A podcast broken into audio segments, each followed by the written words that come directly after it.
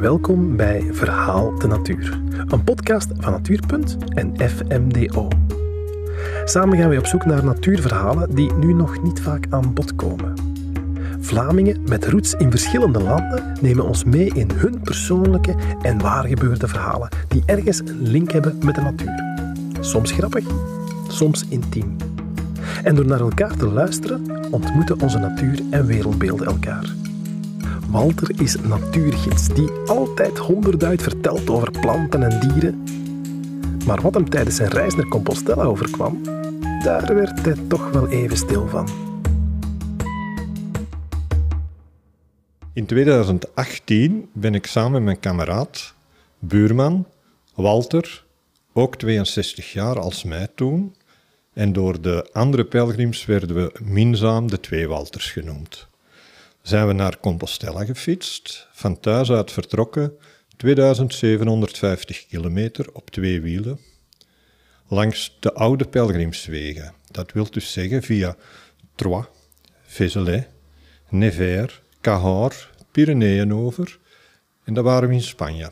En dan dacht ik van, we zijn de Pyreneeën over, nog een paar dagen en we zijn in Compostela. Totdat we de kaart erbij pakten en dat nog bijna 900 kilometer bleek te zijn. Maar dat terzijde. We zijn in Spanje en we hebben overnacht in Yesalere. Yesalere, een klein dorpje, half verlaten, een grote stuwdam aan het bouwen. En vandaar moesten we naar Puente la Reina. Puente la Reina, waar het alle pelgrims samenkomen die de Camino Frances afwandelen of affietsen tot in Compostela.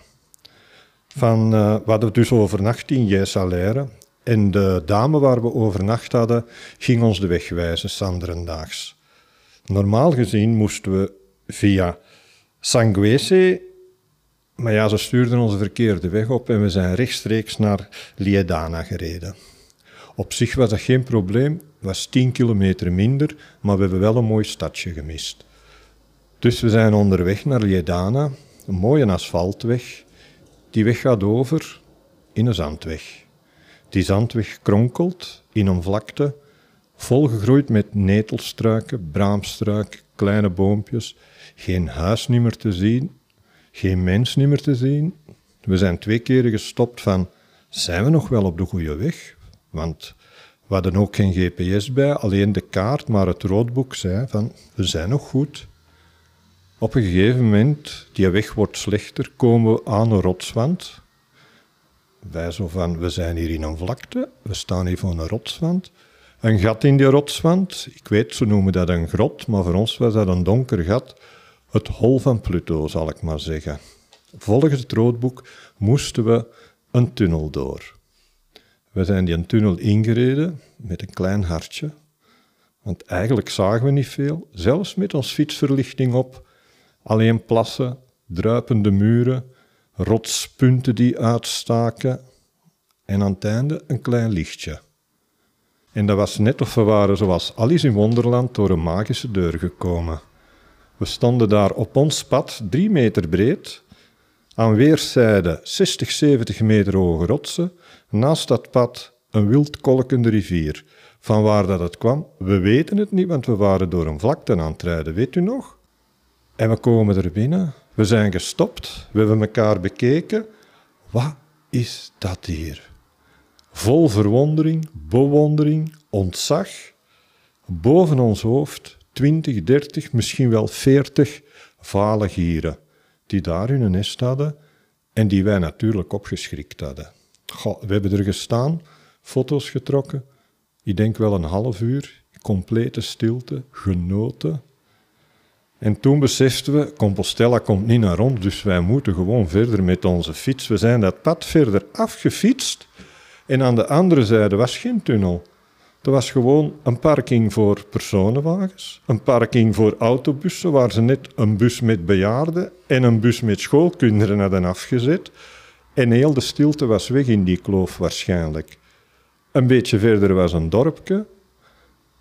En bij ons was dat zo van, eigenlijk moeten we dank u zeggen dat we dat helemaal mogen meemaken. Zo prachtig. Alleen in die kloof met die vale gieren En kan u zeggen, een verhaal hier, dat is indrukwekkend groot als dat boven uw hoofd zweeft. Dat is wat anders dan een duifje. Dus met deze nog eens bedankt, bedankt.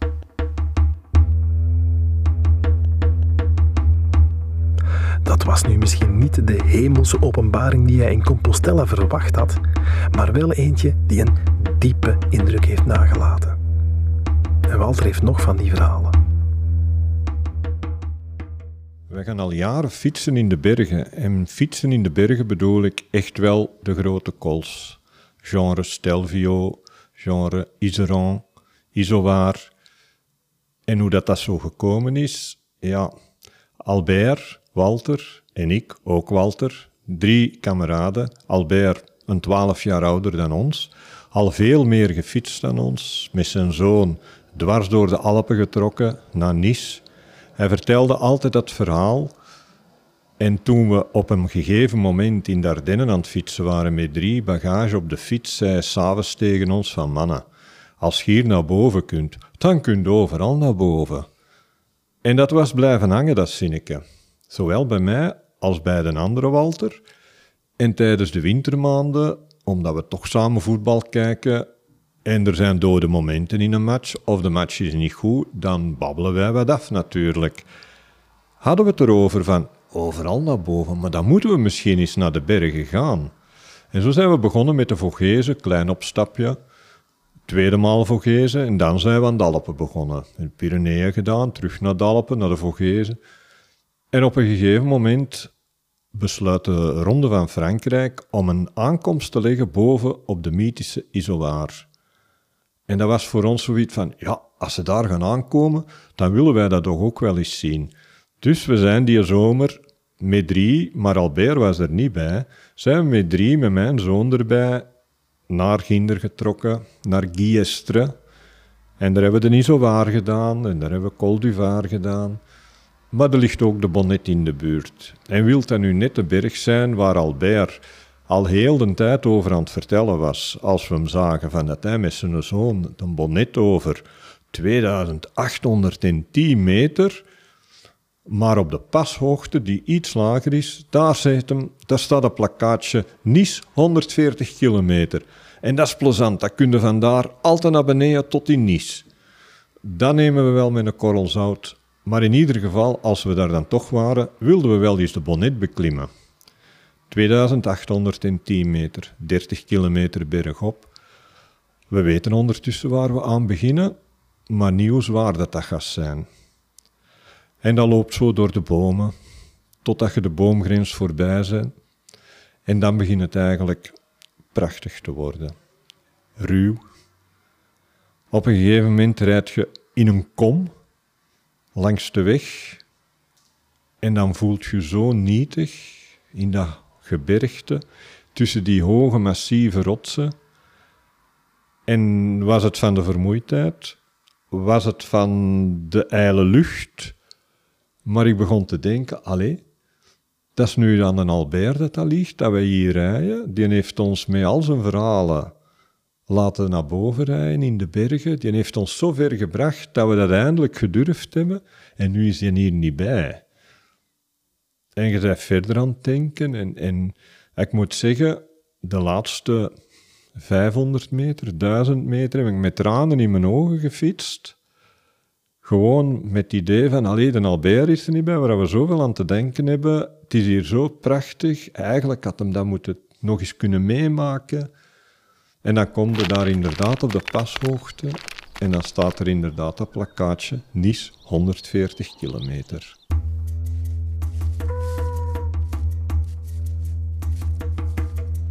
De podcast Verhaal de Natuur is een samenwerking tussen FMDO, een vereniging die werkt aan positief samenleven in diversiteit, en Natuurpunt. Ze kwam tot stand onder deskundige begeleiding van Relaas. Deze podcast is deel van nog meer uitwisseling en dialoog tussen natuurgidsen, rappers, slampoëten en de superdiverse leden van FMDO. Beter van dit project is Antwerp stadsdichter Sekou. Meer resultaten kun je bekijken en beluisteren op natuur.be slash verhaal de natuur. Een project met steun van de Vlaamse overheid.